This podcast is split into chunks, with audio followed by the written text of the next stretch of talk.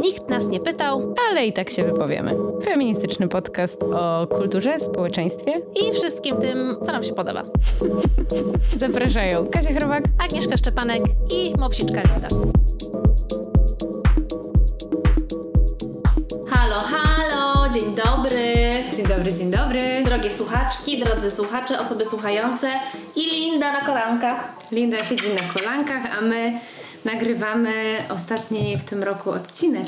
Ale jeszcze nie ostatni tak w ogóle. Nie ostatni w naszej nie, karierze. Nie żyjcie, to jeszcze nie ten moment. Dobrze, no i co? Y, postanowiłyśmy na koniec roku zrobić sobie taką przyjemność mm-hmm. i przy mhm. okazji oczywiście Wam mm-hmm. i porozmawiać o książce, która nas zachwyciła, tak. która zawiera bardzo wiele elementów, o których tutaj w tym podcaście rozmawiałyśmy i rozmawiamy i rozmawiać będziemy. Dokładnie tak.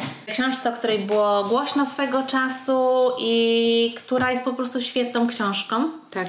Świetną powieścią, więc stwierdziłyśmy, że jeszcze przy okazji tego wolnego, zbliżającego się, to będziecie mogli sobie nadrobić lekturę. Będziemy trochę spoilerować. Tak. Ale no może nie powiemy wszystkiego. Tak, i to też nie zdradzimy tego najważniejszego, nie? nie powiemy, kto zabił. Postaramy się. No nie powiemy. I też nawet gdybyśmy przypadkiem powiedziały, ale nie powiemy, to, to Wam nie, nie zniszczy przyjemności czytania tej książki, bo jest naprawdę super napisana i bardzo wciągająca. Świetna w ogóle językowo, nie? Mhm. Jest świetna gatunkowo, bo właśnie powiedziałaś powieść, a też trochę jest reklamowana jako kryminał. Tak. Ale sobie z tą konwencją, z tym gatunkiem kryminalnym tak trochę się nią bawi, nie? Mhm. Jest tam rzeczywiście napięcie, jest to pytanie, no to kto to zrobił, tak jak w kryminałach, ale, no, ale jest to coś zdecydowanie więcej. Ja bym bardziej właśnie powiedziała, że powieść. Tak, no to może powiemy o jakiej książce będziemy rozmawiać. No powiedzmy. Jest to y, najnowsza powieść Rebeki Makai. Mam do Pana kilka pytań, tak. która została w Polsce wydana nakładem wydawnictwa poznańskiego. Pozdrawiamy wydawnictwo poznańskie. Tak, które wydaje super książki. Tak, naprawdę. No i co? Dlaczego Ci się podobała ta książka, Kasia? No bo tak jak powiedziałaś, są tam wszystkie tematy, które tutaj roztrząsamy często, bo nas one interesują. Mhm. Czyli co, jest to powieść feministyczna? No zdecydowanie. Mhm. Zdecydowanie. Myślę, że nawet sobie wypisałam taki cytat, Wypisałam sobie dużo cytatów. Tak, potwierdzam, że nie wiem, ja bym nic nie przeczytała z tego, ale... A jeszcze więcej mam zaznaczonych po prostu, ale już nie wypisanych, więc z tej mnogości zaznaczonych wypisałam tylko te najbardziej, które mhm. mi zapadły w pamięć. I myślę, że jakbym miała właśnie jedną rzecz zacytować z tej książki, ale zacytuję więcej w trakcie tego odcinka, to byłoby to taki cytat. No cóż, wiesz kobietom, może to nie jest idealne, ale na początek wystarczy. Tak, to jest też cytat, który bardzo często powraca w wywiadach, mhm. na który dopytują autorkę e, różne osoby rozmawiając o powieści, no bo chyba na pierwszy plan wysuwa się zawsze ten wątek mitu, mhm. który w książce jest wszechobecny, przerabiany i też książka powstawała od 2018 roku, więc no jest to czas, kiedy mitu stało się wielkim tematem, kiedy w ogóle sprawa zaistniała. No i e, przez ten czas autorka zdążyła to trochę przetrawić, zdążyła podzielić się swoimi obserwacjami, tym, co jest w tak zwanych szarych strefach, tym, co jest problematyczne, a co właściwie nie jest problematyczne i powinno być dla nas jasne tak naprawdę. Tak. Więc to jest ogromna wartość tej książki, że no bardzo tak zajmuje się takimi bardzo trapiącymi nas tematami. Mhm zadaje pytania i nie daje odpowiedzi tak naprawdę, no tak. no bo to jest chyba to, o co chodzi tak naprawdę Rebece Makai w jej twórczości, o to, że ona pyta, i nawet tutaj w tytule pyta, ma do Pana kilka pytań, ale ma też do nas kilka pytań, ma do mhm. siebie kilka pytań mm. bohaterka tej powieści. No i te pytania gdzieś tam się przewijają, pytania gdzieś tam zostawia bez odpowiedzi, pokazując nam różne sytuacje, opowiadając nam różne historie. Przede wszystkim te pytania pokazują, że to nie jest takie proste. Tak, tak. A jeszcze właśnie, bo już przywołałaś właśnie hashtag mitu, myślę, mhm. że będzie do nas właśnie wracał, bo, bo tak, to jest główny, wydaje mi się, tutaj wątek. I to właśnie, czyli sytuacje nadużyć, przemocy wobec kobiet, ta wszechobecna wręcz przemoc wobec kobiet. Ale też właśnie odnośnie tego mitu chciałam powiedzieć, że w tej książce widać, że ona jest pisana właśnie z tego innego miejsca jakby światopoglądowego. Mhm. Czyli jest napisana właśnie po tej zmianie obyczajowej, która dzięki mitu e, nastąpiła, nie? Tak, no to jest już z taką wrażliwością, że na pewne rzeczy nie ma przyzwolenia, mhm. ale może tak bardzo szybko w ogóle zarysowując fabułę. Dokładnie. Bo fabuła nie jest jakaś super skomplikowana, ale to nie znaczy, że książka nie jest wielowymiarowa i wielowątkowa, bo to w jakiś sposób Makaj tutaj tka tę opowieść jest naprawdę świetnie jest zrobione. Dużo warstw, dużo warstw. Jest dużo warstw, więc jesteśmy w roku 2000 no przed pandemią, nie? Pandemią i trochę potem w pandemii. Mhm. Czyli powiedzmy gdzieś tak w czasy współczesne, ale też wracamy do lat 90., mhm. głównie do 95 roku. I główną bohaterką jest Body. Body jest to dziewczyna, która trafia do prywatnego liceum z internatem, która pochodzi z Indiany, miała mnóstwo przeżyć i trafia do, na skutek zbiegu okoliczności, których nie będziemy tutaj przytaczać, bo to dowiecie się tego z książki, trafia do takiego prywatnego liceum, gdzie są same bogate dzieciaki z uprzywilejowanych rodzin. Nie ma jeszcze za bardzo wtedy, wiecie, no telefony komórkowe, internety i te wszystkie, no to jeszcze są rzeczy, które nie są powszechne, więc jeżeli jesteście tak jak my, dziećmi lat 90., to na pewno z nostalgią wrócicie do, ty, do tych lat i powspominacie sobie, jak to było, czego się słuchało i tak dalej. Mhm. No i ona jest... Jest tam outsiderką. Jest outsiderką, nie pasuje, nie pasuje mhm. ale oczywiście znajduje swoich przyjaciół mhm. na śmierć i życie, z którymi potem oczywiście łączy ją nadal przyjaźń. No i w czasie tego jej pobytu tam dochodzi do morderstwa. Zostaje zamordowana jej współlokatorka. No i to śledztwo okazuje się takie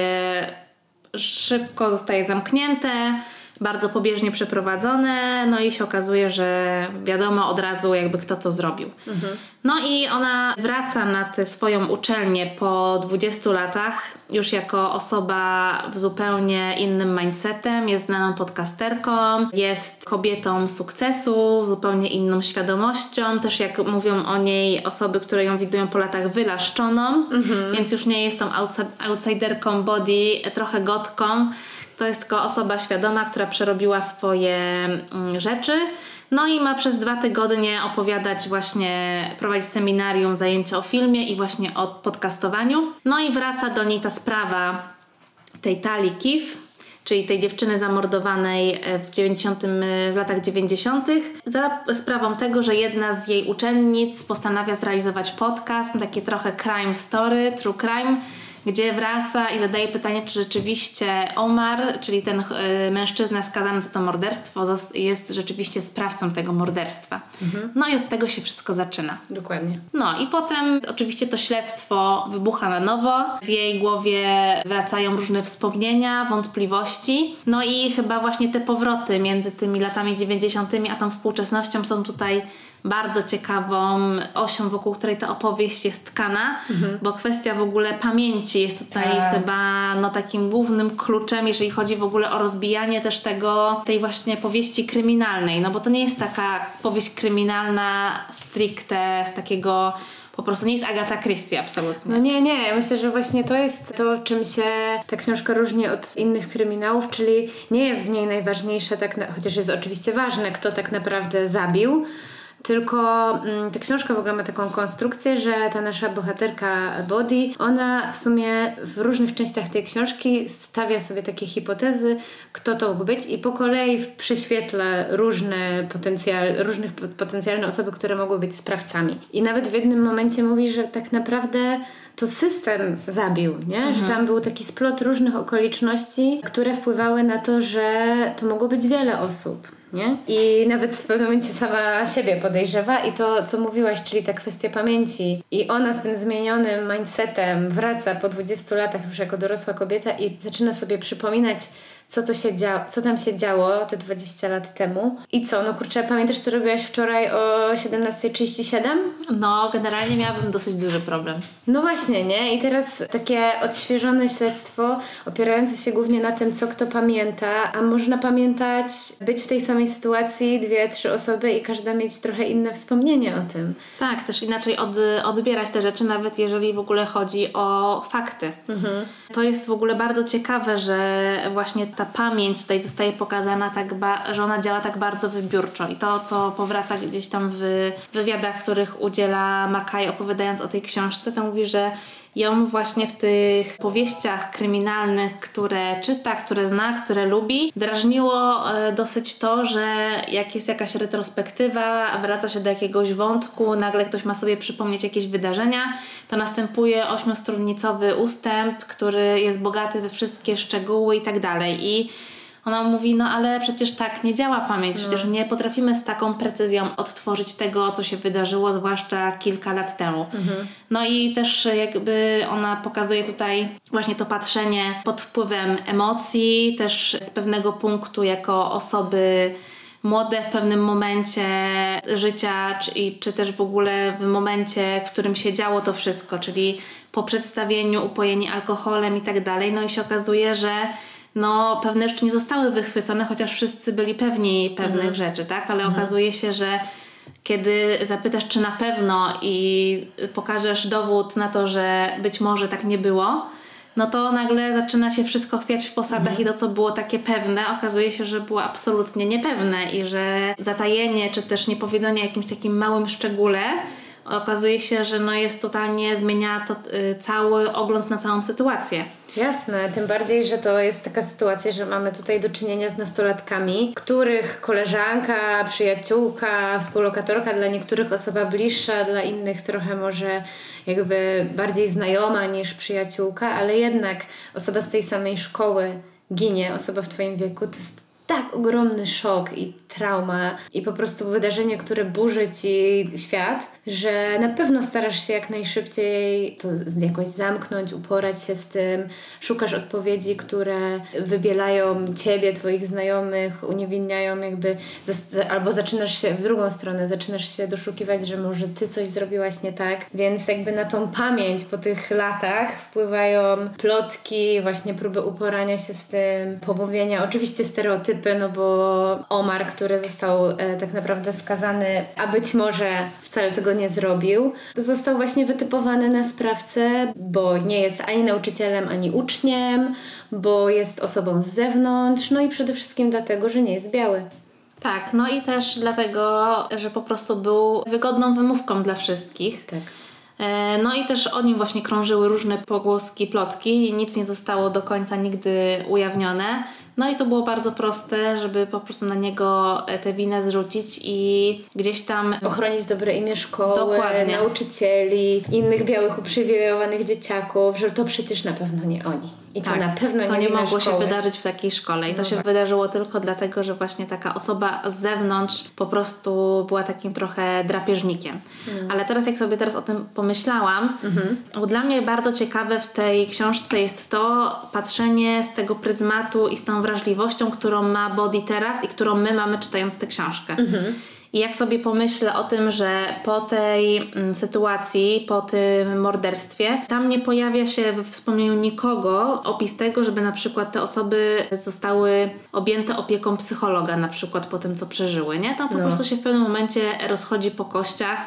To nawet nie jest, to miejsce zbrodni nie zostaje jakoś zbadane, nie zostaje tam zabezpieczone odpowiednio, tylko dopiero po tygodniu, gdzie ten basen, w którym dochodzi do tego morderstwa, no, zostaje też użytkowany przez innych, więc no, tutaj o jakichś takich niedoścignięciach i niedociągnięciach jest tutaj jakby mowa już od samego początku, no ale to właśnie też takie poczucie winy, że, jak, że Talia, czyli popularna, piękna, biała dziewczyna z zamożnej rodziny, miała nie tylko swoje za uszami, bo w pewnym momencie dochodzą do tego dziewczyny, że na pewno miała jednego, więcej niż jednego partnera, że spotykała się z, z, z kimś innym, no ale ona jest też ofiarą tego swojego sukcesu, czyli takiego high school drama, że no jest uprzywilejowaną, piękną dziewczyną, więc no za nią musi się ciągnąć jakaś taka aura związana z tym, że ona jest taka i owaka, że postępuje w taki, a nie inny sposób, więc można w bardzo prosty sposób zrobić pewne uproszczenia które wkładają ją do worka, że jest dziewczyną taką, a nie inną, bo musi wpisywać się w pewien stereotyp mhm. popularnej amerykańskiej dziewczyny, nie? Mhm, mhm, dokładnie. I no też takie rzeczy związane z tym, co jakby działo się w związku z tym, że była piękną dziewczyną, czyli ta jakaś lista, która chodziła Tam był jakiś taki plebiscyt. No tam są różne, Talia Bingo chyba Tak. o tym myślisz, nie? Czyli no, są też właśnie, to jest kolejny duży temat też w tej książce, to jaki jest bullying w szkole, nawet właśnie dobrej, elitarnej, gdzie chodzą dzieciaki z dobrych domów, to jest też po prostu prześladowanie rówieśników, nie? Bardziej popularnych, znaczy mniej popularnych przez bardziej popularnych, albo po prostu jest dużo takich łobozów, przecież okropna ta postać tego Doriana. Tak, tak. No ale prostu nie wiem, czy też koszmar. tak miałaś, ale no ja jak czytałam tę książkę, to miałam takie no flashbacki ze swojej podstawówki, że no każdy z nas znał takiego Doriana.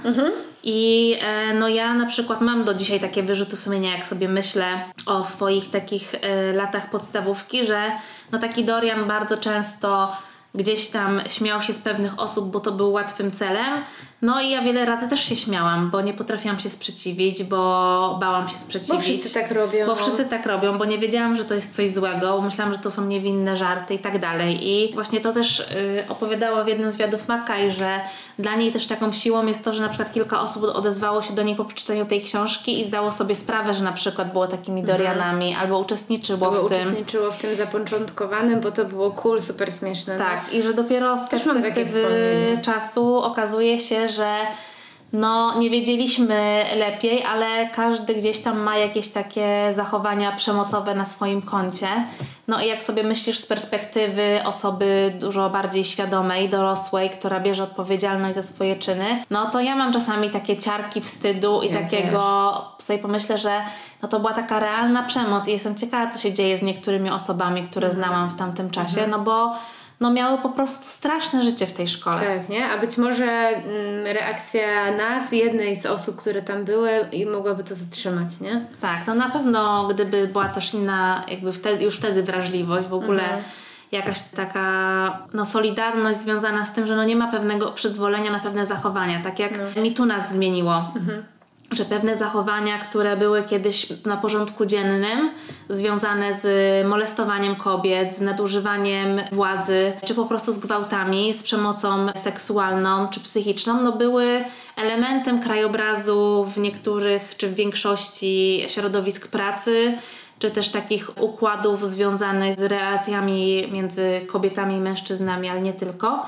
No i po prostu każda z nas słyszała o takich historiach, ale przecież tak jest.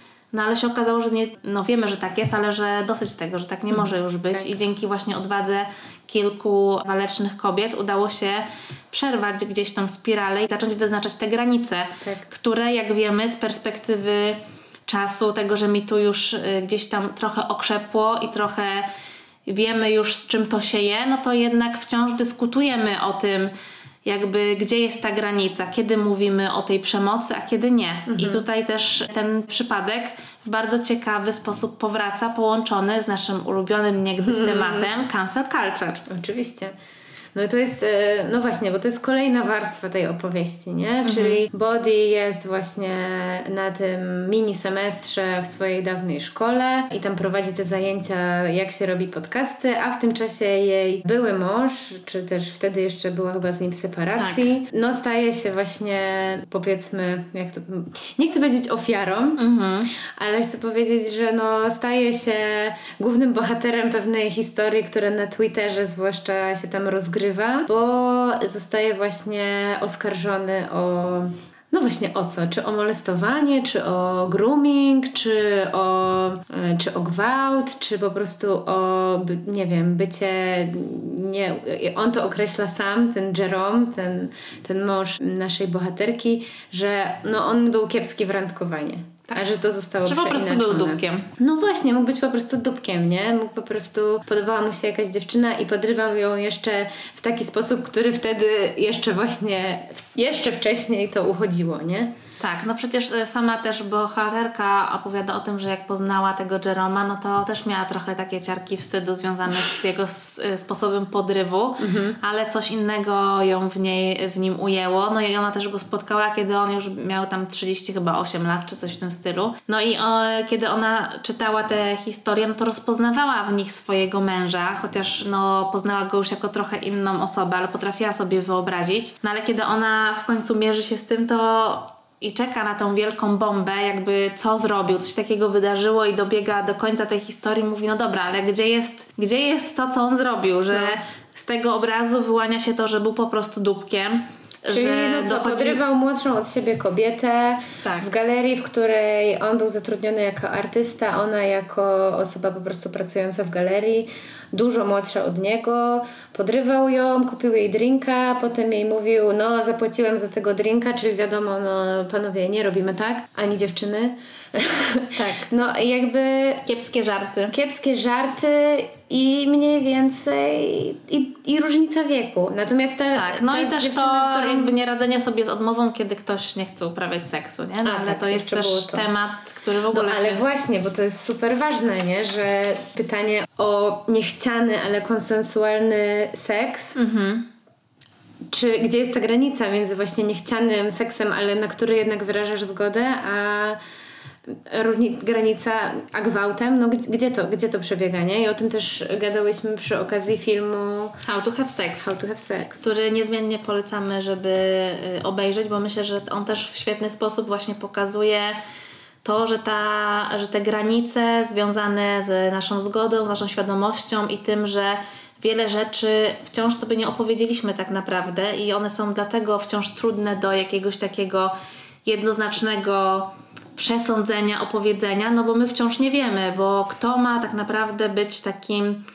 tym sędzią czy sędziną, tym jak takim moralnym zwierzchnikiem, do którego się zwracać. Jakby co jest normą tak naprawdę? Mhm. Czy my sami określamy tę normę, czy tą normę możemy określać w stosunku do jakichś ogólnie przyjętych zasad, czy na przykład w takich e, relacjach, gdzie indywidualnie określamy sobie to, co jest jakby dla nas ok w seksie, to po prostu potem przestaje obowiązywać. I no to jest y, no, bardzo ciekawe w tej książce i zarówno w tym filmie, że pokazuje, że no to jakby to wciąż jesteśmy w tym procesie, nie? że to jest tak. jakby in the making, że z jednej strony w How to Have Sex dla mnie tutaj jest oczywiste, co się wydarzyło, ale dla samej bohaterki nie do końca jest oczywiste, mhm. nie? Tylko tam też jest właśnie, nie możemy też trochę, nie możemy w ogóle chyba stosować jakichś tutaj uniwersalnych rozwiązań, bo każda sytuacja jest nieco inna, bo biorą w niej udział dwie osoby, które też mogą być zupełnie, mieć zupełnie inaczej, nie? Mhm. No ale jednak tak jak mówisz, no w tym filmie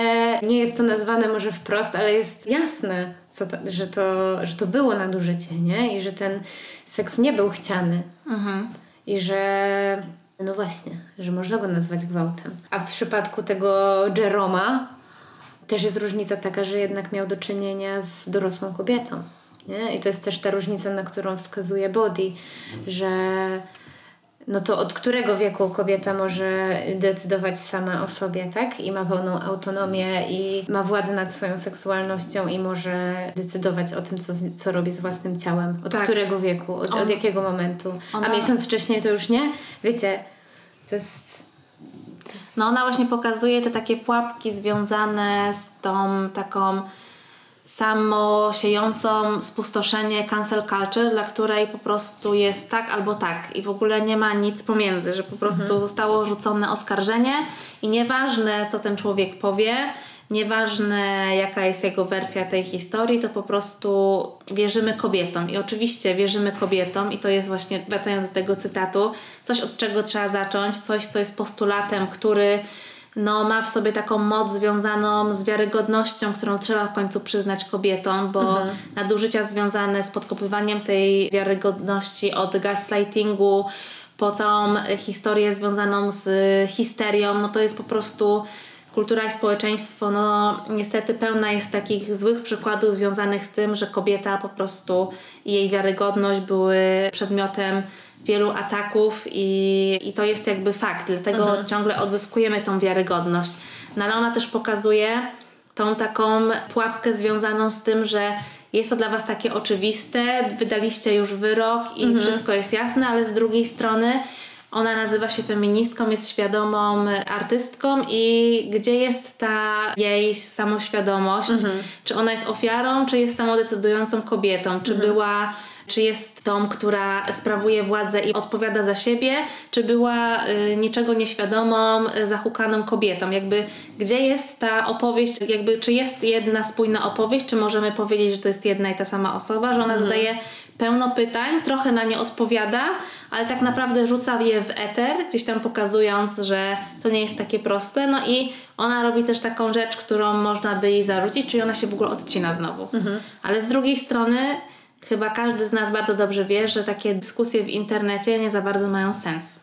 No i nie służą też niczemu później już, nie? W sensie takie, w które dyskusje, które służą tylko, żeby kogoś ukrzyżować, nie? Bo mhm. wiadomo, czym innym jest dyskusja o problemie, nie? I próba gdzieś tam wyłapania niuansów, czy, czy nazwania jakiegoś problemu, nie? Czyli na przykład wskazywania, że gdzieś zachodzi relacja władzy, a gdzie indziej nie. Ale no tam też jest taki bardzo dobry tekst w tej książce a propos właśnie tego Jeroma, że on się zastanawia, czy powinien przeprosić, czy wydać jakieś oświadczenie i tak dalej. No i w zasadzie zostaje taką radę, że w sumie nie ma co przepraszać, bo i tak nawet jeśli przeprosisz, to te przeprosiny będą źle skonstruowane i zarzucą ci, że, że źle przeprosiłeś jeszcze, nie? A jednocześnie jest to jakimś przyznaniem się do winy, więc no, no to są... Dasz mi było żal tego Jeroma. A jednocześnie chciałam wierzyć Jasmine Wild, czyli wierzyć kobiecie, która która go oskarżyła i też zresztą ta Bodhi też mówi, że ona nie chce jakby przekreślać tego doświadczenia, mhm. że ona ma prawo do swojego doświadczenia, no ale z drugiej strony jak, jak o tym rozmawiać właśnie jednocześnie przyznając, że możesz uwierzyć tej kobiecie, a z drugiej strony jednak pokazując, że, że ta sytuacja nie miała takich znamion właśnie mm, napaści seksualnej, nie? Tak, ale to właśnie tak sobie myślę, że tutaj nawet nie chodziło o to przyznanie, no bo tam nikt nie zaprzeczał, że to nie miało miejsca, że mhm. on był dupkiem i że zachował się w relacji z nią wielokrotnie po prostu mhm. no beznadziejnie, jak mhm. sam to potem y, przyznaje ale chodziło chyba o reperkusję i to, jaką on powinien ponieść za to karę ostatecznie, bo ona też wraca do tego po wielu latach. Mhm. Korautuje go w tej sieci i domaga się po prostu jego głowy. Od razu po prostu cała ma za sobą armię osób y, jawnych i anonimowych w internecie, które domagają się, żeby on zrezygnował z całego swojego kapitału, czyli żeby został zwolniony, żeby tak. jego prace straciły na wartości i tak dalej. Od razu ta body jest to zamieszana, bo skoro jest jego żoną, to ona musi za niego odpowiadać, co w ogóle mm -hmm. też jest, uważam, tak. super nie fair, jeżeli mm -hmm. chodzi o to, że no jaki to ma związek, tak? Dlaczego kobieta ma odpowiadać za czyny swojego męża sprzed kilkunastu lat, tak? Kiedy, z czasów, kiedy jeszcze go nie znała. Tak. Więc no to jest y, w ogóle bardzo ciekawe. No i ona też ostatecznie staje się ofiarą, że tak naprawdę tego, że staje w, w, jego obronie niejako, po prostu zadaje kilka pytań i mówi, że to nie jest takie proste mhm. i że jeżeli dla Was to jest takie czarno-białe, no to ja Wam pokażę, że nie do końca, zadając mhm. Wam kilka pytań. No i ona decyduje się w końcu, że nie będzie się z tym wszystkim kopać, że tak mhm. powiem, tylko mówi, dobra, jakby zapłacę tę cenę, że mhm. skoro inni mam pociągnąć za sobą innych, czyli swojego partnera podcastowego i tak dalej, to nie chcę tego robić, że mhm. jakby ja dam sobie radę. No, no. no właśnie, no to jest tak, że takie sytuacje wpływają na całe twoje życie, nie? I mhm. mogą zniszczyć kariery, mogą zniszczyć rodziny, mogą też, ona, ta body też z kolei w innej trochę sytuacji zastanawia się nad tym, jak coś, co zrobi, coś, co ujawni, wpłynie na, e, na życie dzieci tej osoby, nie? Mhm. Bo to, to, to wpływa na, na cały ekosystem. Tak, no to jest super ciekawe właśnie jak ona tą cancel culture trochę rozkłada na te czynniki pierwsze, pokazując te różne sytuacje, bo ta cancel culture nie odnosi się tylko do tego postaci Jeroma, ale też y, tego, że w pewnym momencie zostaje tropiony bardzo dosłownie ten domniemany zabójca Tali. Mhm. I ona ma swoje domysły. Każda z osób, które potem dołączają się do tej sprawy, bo ona potem wybucha i z małego projektu studenckiego staje się bardzo dużym projektem, który inspiruje także innych podcasterów do stworzenia jeszcze innych podcastów poświęconych tej sprawie i każdy z nich dąży do tego wznowienia tego procesu i dowiedzenia się, kto tak naprawdę jest tym zabójcą tej Italii, gdzieś tam wspierając tę tezę, że niewinna osoba odsiaduje kar za to zabójstwo. Mhm. No i oczywiście też ten wątek rasowy przy okazji podchwytując. Tak. No i to, że to się w ogóle dzieje w New Hampshire też jest nie bez, nie bez znaczenia, bo jak y, się dowiedziała autorka w trakcie pisania, no jest to też stan, w którym odsetek osób, które siedzą niesłusznie skazanych i w ogóle skazanych za zbrodnie, no to odsetek czarnych osób no, jest tutaj przeważający, więc no, tak. tutaj też to jakby pozwoliło jej ten nowy wymiar nadać tej, tej powieści, nie? Tak, jasne. No to jest wstrząsające, jak uświadomisz sobie ten problem, nie? Że po prostu też jak, jaka jest różnica w traktowaniu życia ludzkiego, nie? W zależności od koloru skóry, że po prostu z automatu e, jesteś osobą podejrzaną, nie? Tak, no a w. Stanach osoba czarna, no to wiadomo, równa się kryminalista, no i jest jakby dużo bardzo ciekawych dokumentów, które właśnie mówią, dlaczego w ogóle w taki sposób to wygląda. My też o tym mówiłyśmy w, w pierwszych początkowych odcinkach z Martą Mazurek, kiedy mówiłyśmy mhm. o białym przywileju, więc bardzo zachęcamy do powrotu do tych odcinków. Tak, tak, więc tu jest dużo przekmin też właśnie o tym, jak działają nierówności społeczne i uprzedzenia rasistowskie. I tak naprawdę no, trochę pod lupę też system sprawiedliwości w Stanach e, włożony, nie? I jednym z kilku pytań jest też to, czy masz w ogóle szansę, będąc osobą niebiałą, na sprawiedliwy proces. Tak, i w ogóle co to znaczy sprawiedliwość? Jakby no. Jaka byłaby sprawiedliwość teraz dla tego Omara, który odsiedział już ponad 20 lat wyroku za coś, czego nie zrobił? Jakby co by mu to, e, jakby co zrekompensowałoby jemu to, że stracił 20 lat swojego życia? A inna sprawa, która tutaj powraca i która też jest bardzo ciekawie przedstawiona, czyli fenomen true crime'ów, mhm. który no, w ostatnich latach przeżywa no, taki rozkwit i taką popularność, która y, mam wrażenie się nie kończy. No i ona tutaj też zadaje takie bardzo ciekawe pytania związane z takim kontekstem też moralnym, związanym z powrotem do pewnych spraw, tego w jaki sposób się do tego wraca, o tropieniu sensacji o też takim wojeryzmie, który jest w nas, czyli dlaczego w ogóle wracamy do tych historii, jakie nagłaśniamy historie, czy to są wciąż nierozwiązane na przykład, czy głośne sprawy e, zamordowanych, białych, uprzywilejowanych kobiet czy mężczyzn, czy na przykład dociekamy sprawiedliwości osób, które zostały niesłusznie skazane albo miały bardzo beznadziejny proces oparty na poszlakach, jak, jak na przykład Omar. Mhm. No wydaje mi się, że wciąż jednak to pierwsze. Mhm. I dlaczego nas to tak ciekawi? Dlaczego nas ciekawi na przykład Jeffrey Drummer i wszystkie obrzydliwe rzeczy, które zrobił i jak zrobił? Dlaczego to jest w ogóle takie ciekawe? I to jest w ogóle też taka kontrowersja, która była a propos tego serialu Netflixa, a propos tego seryjnego, brutalnego mordercy, który mordował homoseksualistów, no to jakby tam z taką po prostu aż naturalistyczną manierą został ten serial zrealizowany, gdzie wszystko zostało tak bardzo pokazane dokładnie, dosadnie, okropnie. No i to był taki duży ja case. Nie, mogę czegoś takiego. No ale to właśnie było duże pytanie, po co takie rzeczy powstają? Dlaczego, mm. jeżeli chcemy o tym opowiadać o źle, o sprawiedliwości, ale dlaczego w taki sposób? Czemu mm. to tak naprawdę służy? Czy to jest nastawione na tanią sensację? Mm.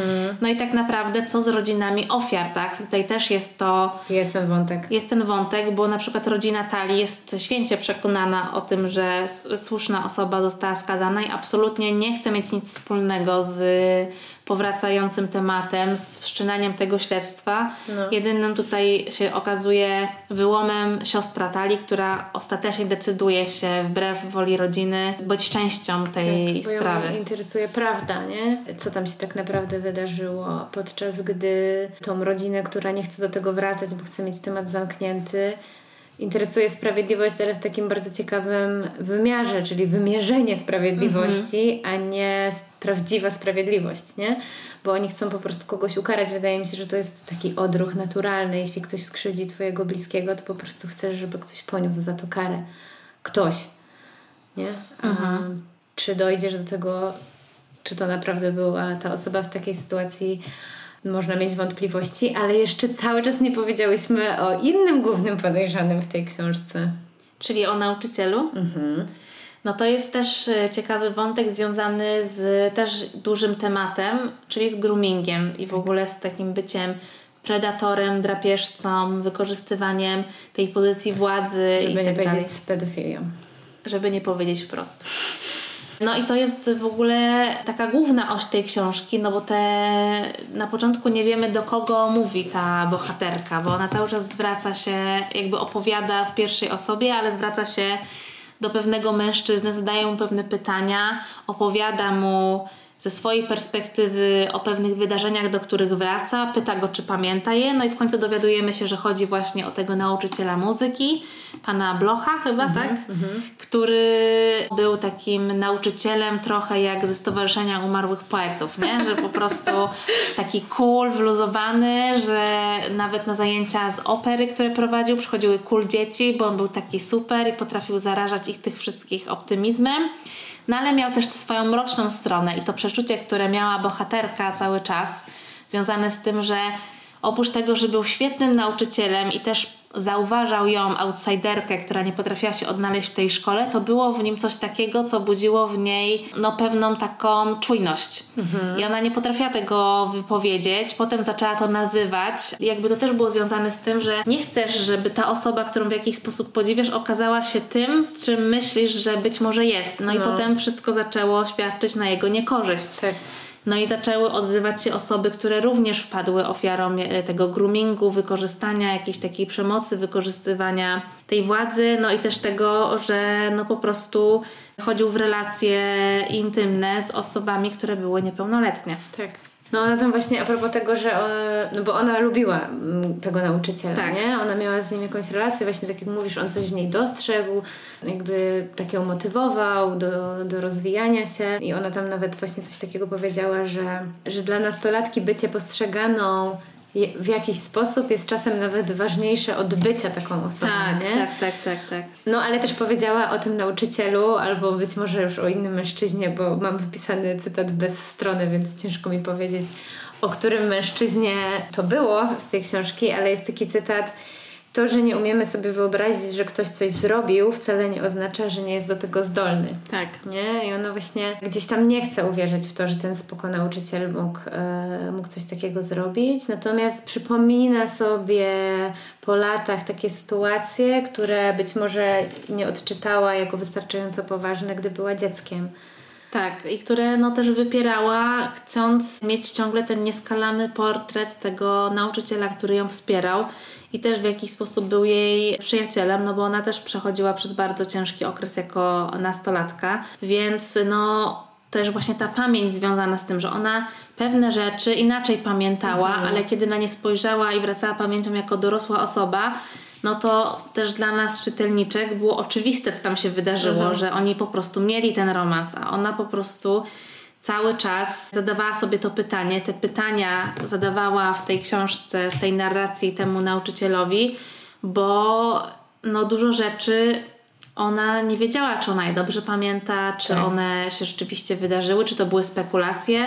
Tak. I też pada tam takie stwierdzenie, że ona już nie pamięta, co było plotką, a co było rzeczywiście, że te rzeczy się bardzo dla nich w pewnym momencie rozmyły, że bardzo dużo o pewnych osobach się rozmawiało i nie wiesz, i one też zapisywały, prowadziły tam jakieś tą księgę penisów, czy coś takiego i one już nie wiedziały, które kutasów, kutasów które są, te wpisy były oparte na jakichś tam y, śmieszkach, heheszkach i wyobraźni, a które ktoś wpisywał bazując na prawdziwym doświadczeniu. Wiadomo, no. że to dotyczy takiego trywialnego i mhm. trochę no, niezbyt pochlebnego wspomnienia związanego, w mhm. jaki sposób traktujesz swoich kolegów. No, ale jakby... Ale też jest jedna zasadnicza różnica między tym, co robiły te dziewczyny, a tym, co robili ci chłopacy, nie? Bo dziewczyny to robiły w swoim własnym gronie na potrzeby swoich tam chichotek i okej, okay, oczywiście uprzedmiotowiały tych chłopaków, sprowadzały ich do części ciała, ale jednak one to robiły we własnym kręgu dla siebie, a ci chłopcy ujawniali tak. bardzo intymne rzeczy. To jest w ogóle też współcześnie du duży, duży problem, nie? Tak, Jeśli chodzi o przemoc między nastolatkami. No i jeszcze jeden, jedną rzecz chciałam wrzucić. To są takie powracające w tej książce motywy. Mhm. Nie? Bo jest kilka takich konstrukcji narracyjnych albo wręcz cytatów, które wracają w tej książce. Jednym z nich jest na podkreślenie właśnie tej e, wszechobecnej przemocy w kulturze wobec kobiet. Mhm. To są te wracające takie całe długie wręcz fragmenty kiedy ona mówi, ta główna bohaterka mówi o jakiejś historii i mówi, to ta historia, która, w której, nie wiem, na przykład ona podcina sobie żyłę, bo już nie może tego znieść, albo to ta, w której jej ciało zostało znalezione dużo później, albo to ta historia, w której coś tam, coś tam jakby wymienia mnóstwo takich historii, które możemy też kojarzyć w ogóle właśnie z popkultury albo z wydarzeń właśnie mających miejsce po mitu, czyli na przykład to ta historia, w której oskarżony staje się sędzią Sądu Najwyższego. Mhm. No i ten motyw wraca gdzieś tam na podkreślenie właśnie tego, że tych historii jest tak dużo i że my jak jest ich tak dużo, to już się potem w nich nie łapiemy, to po pierwsze, a po drugie trochę jesteśmy wobec nich tacy zobojętniali. Tak, ale też, że ta przemoc wobec kobiet jest w jakimś sensie niestety przezroczysta, że ona już jest tak wszechobecna, że nawet to sformułowanie poparte badaniami, że sprawcą przemocy wobec kobiet statystycznie najczęściej są partnerzy, czy to tacy życiowi, czy seksualni, że no to jakby ten krąg podejrzeń zostaje bardzo szybko zawężony, no i jakby to gdzieś tam, jeżeli chodzi o statystyki, się potwierdzało. No i to, że kobiety właśnie są w jakiś sposób taki bardzo przedmiotowy traktowane i że też im się nie wierzy, albo też po prostu nie jest traktowane poważnie zarzuty, z którymi one przychodzą wobec właśnie swoich partnerów, no to są takie historie, które znamy, które jakby nie tylko trzeba o nich słyszeć, które dotyczą dużych nazwisk, ale to są takie, które słyszeliśmy niejednokrotnie, o których czytaliśmy, które są częścią kultury, w której żyjemy i społeczeństwa, w którym żyjemy. I to wystarczy niestety odpalić jakiegokolwiek true crime'a czy jakąś tam powieść, no to one dotyczą właśnie tej obrzydliwej przemocy wobec mhm. kobiet, mhm. nie? I tak. no to jest jakby też coś, co jest wszechobecne, a z drugiej strony właśnie rozpala nas takimi opowieściami wojerystycznymi. Ona właśnie pokazuje ten konflikt, że mhm. no to jest chyba jednak trochę niepokojące i chyba to coś o nas mówi. I ona mhm. oczywiście nie stawia tutaj tezy, tylko wrzuca nam pewne rzeczy, pokazują, że one zbiegają się w czasie, są obecne i może warto byłoby sobie zadać pytanie, dlaczego i mhm. dlaczego utrwalamy wciąż te przemocowe opowieści o kobietach, że naprawdę ich potrzebujemy, czy potrze potrzebujemy do nich wracać w charakterze tych ofiar, które już nie mają głosu. Mhm. Czy oddajemy im sprawiedliwość, czy karmimy jakąś swoją niezdrową ciekawość tak naprawdę. Może i to, i to. No chyba tak. No i jest jeszcze jedna taka, niby taki drobiazg, który wraca tej mhm. książce, ale który jakoś mi utkwił w pamięci.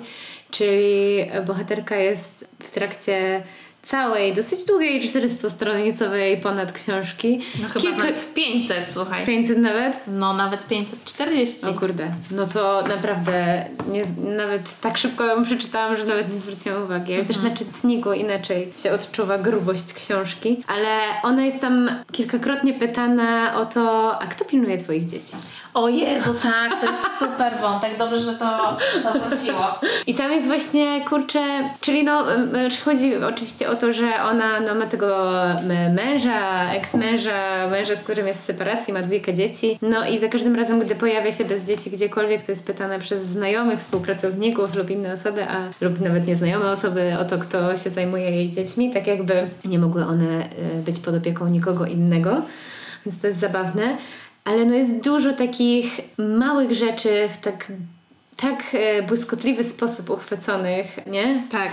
Związanych z, właśnie z życiem kobiety, z oczekiwaniami, od kobie- które mamy wobec kobiet, ze stereotypami e, na temat naszych, nie wiem, marzeń, potrzeb i tak dalej, że no, to jest naprawdę.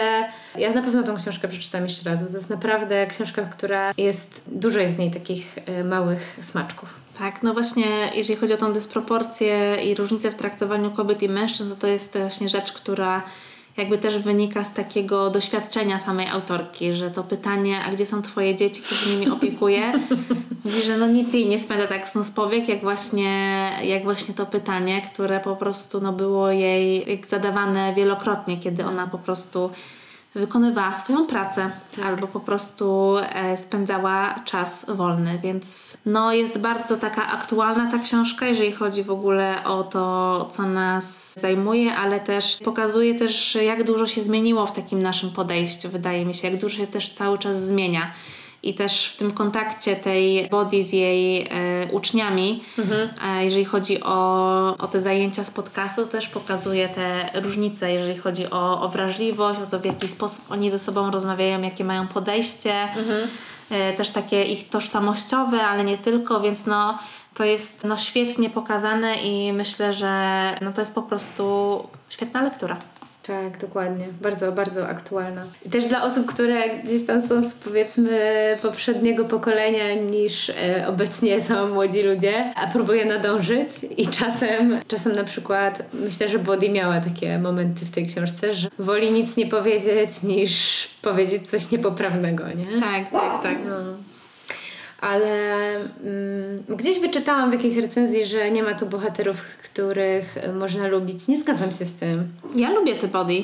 No, pewnie bym, nie wiem, no właśnie nie wiem, może w sumie... By, w ogóle Fran jest super. Fran jest super.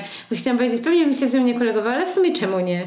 No bo jest trochę inna, nie? Wiesz o co chodzi? Jest ja na pewno bym się z nią kolegowała. Ma obsesje w ogóle różne swoje, ale no jest mądra, nie? Ma no. wątpliwości a, i no po prostu ma dobrą przykminę, więc w sumie tak, no. Może można byłoby pójść z nią na kawę i pogadać o ważnych Myślę, rzeczach. Że tak. Nie wiem, ja nie miałam takiego poczucia antypatyczności co ja do tych bohaterów. No, zależy których. No tak, ale no jakby to jest też super, że w tych ostatnich kartkach książki okazuje się, że osoba, na której zdanie, na temat której zdanie mieliśmy wyrobione, no może się zmienić o 180 stopni. Mówię tutaj tak. o Beth i tak, to tak, jest w tak. ogóle niesamowita historia mhm. i no to jakby nie chcę tutaj wrzucać tego takich trywializmów, że nigdy nie wiemy kto przez co przechodzi, no ale tak. no trochę tak jest i to jest w ogóle mhm. niesamowite, że właśnie ona potem przekuwa tą swoją traumę w taką historię odkupienia, ale też y, po prostu tego, że ona jakby pod wpływem właśnie tych wydarzeń zostaje, przejmuje tą kontrolę nad tym, co się wydarzyło. I to jest niesamowicie taka też pokrzepiająca historia, która wydaje mi się jest też takim ukoronowaniem przez Makaj tego heroizmu kobiet, które decydują się zabrać głos, które mhm. stają się po prostu sprawcze i biorą sprawę w swoje ręce na swoich zasadach i tak jak one po prostu i w momencie, kiedy one są na to gotowe. I to uważam jest super, że też do tego zainspirowała ją inna kobieta, która mhm. nie wydawała się dla niej sojuszniczką w żadnym, w żadnym momencie, więc ta solidarność jest tutaj taka jakby ponad tym wszystkim i to wydaje mi się super wybrzmiewa w tych ostatnich mhm. kartach. Mhm. No tak, jest, ale myślę, że chyba nawet bardziej bym powiedziała niż solidarność to, to chęć odkupienia, nie? Mhm.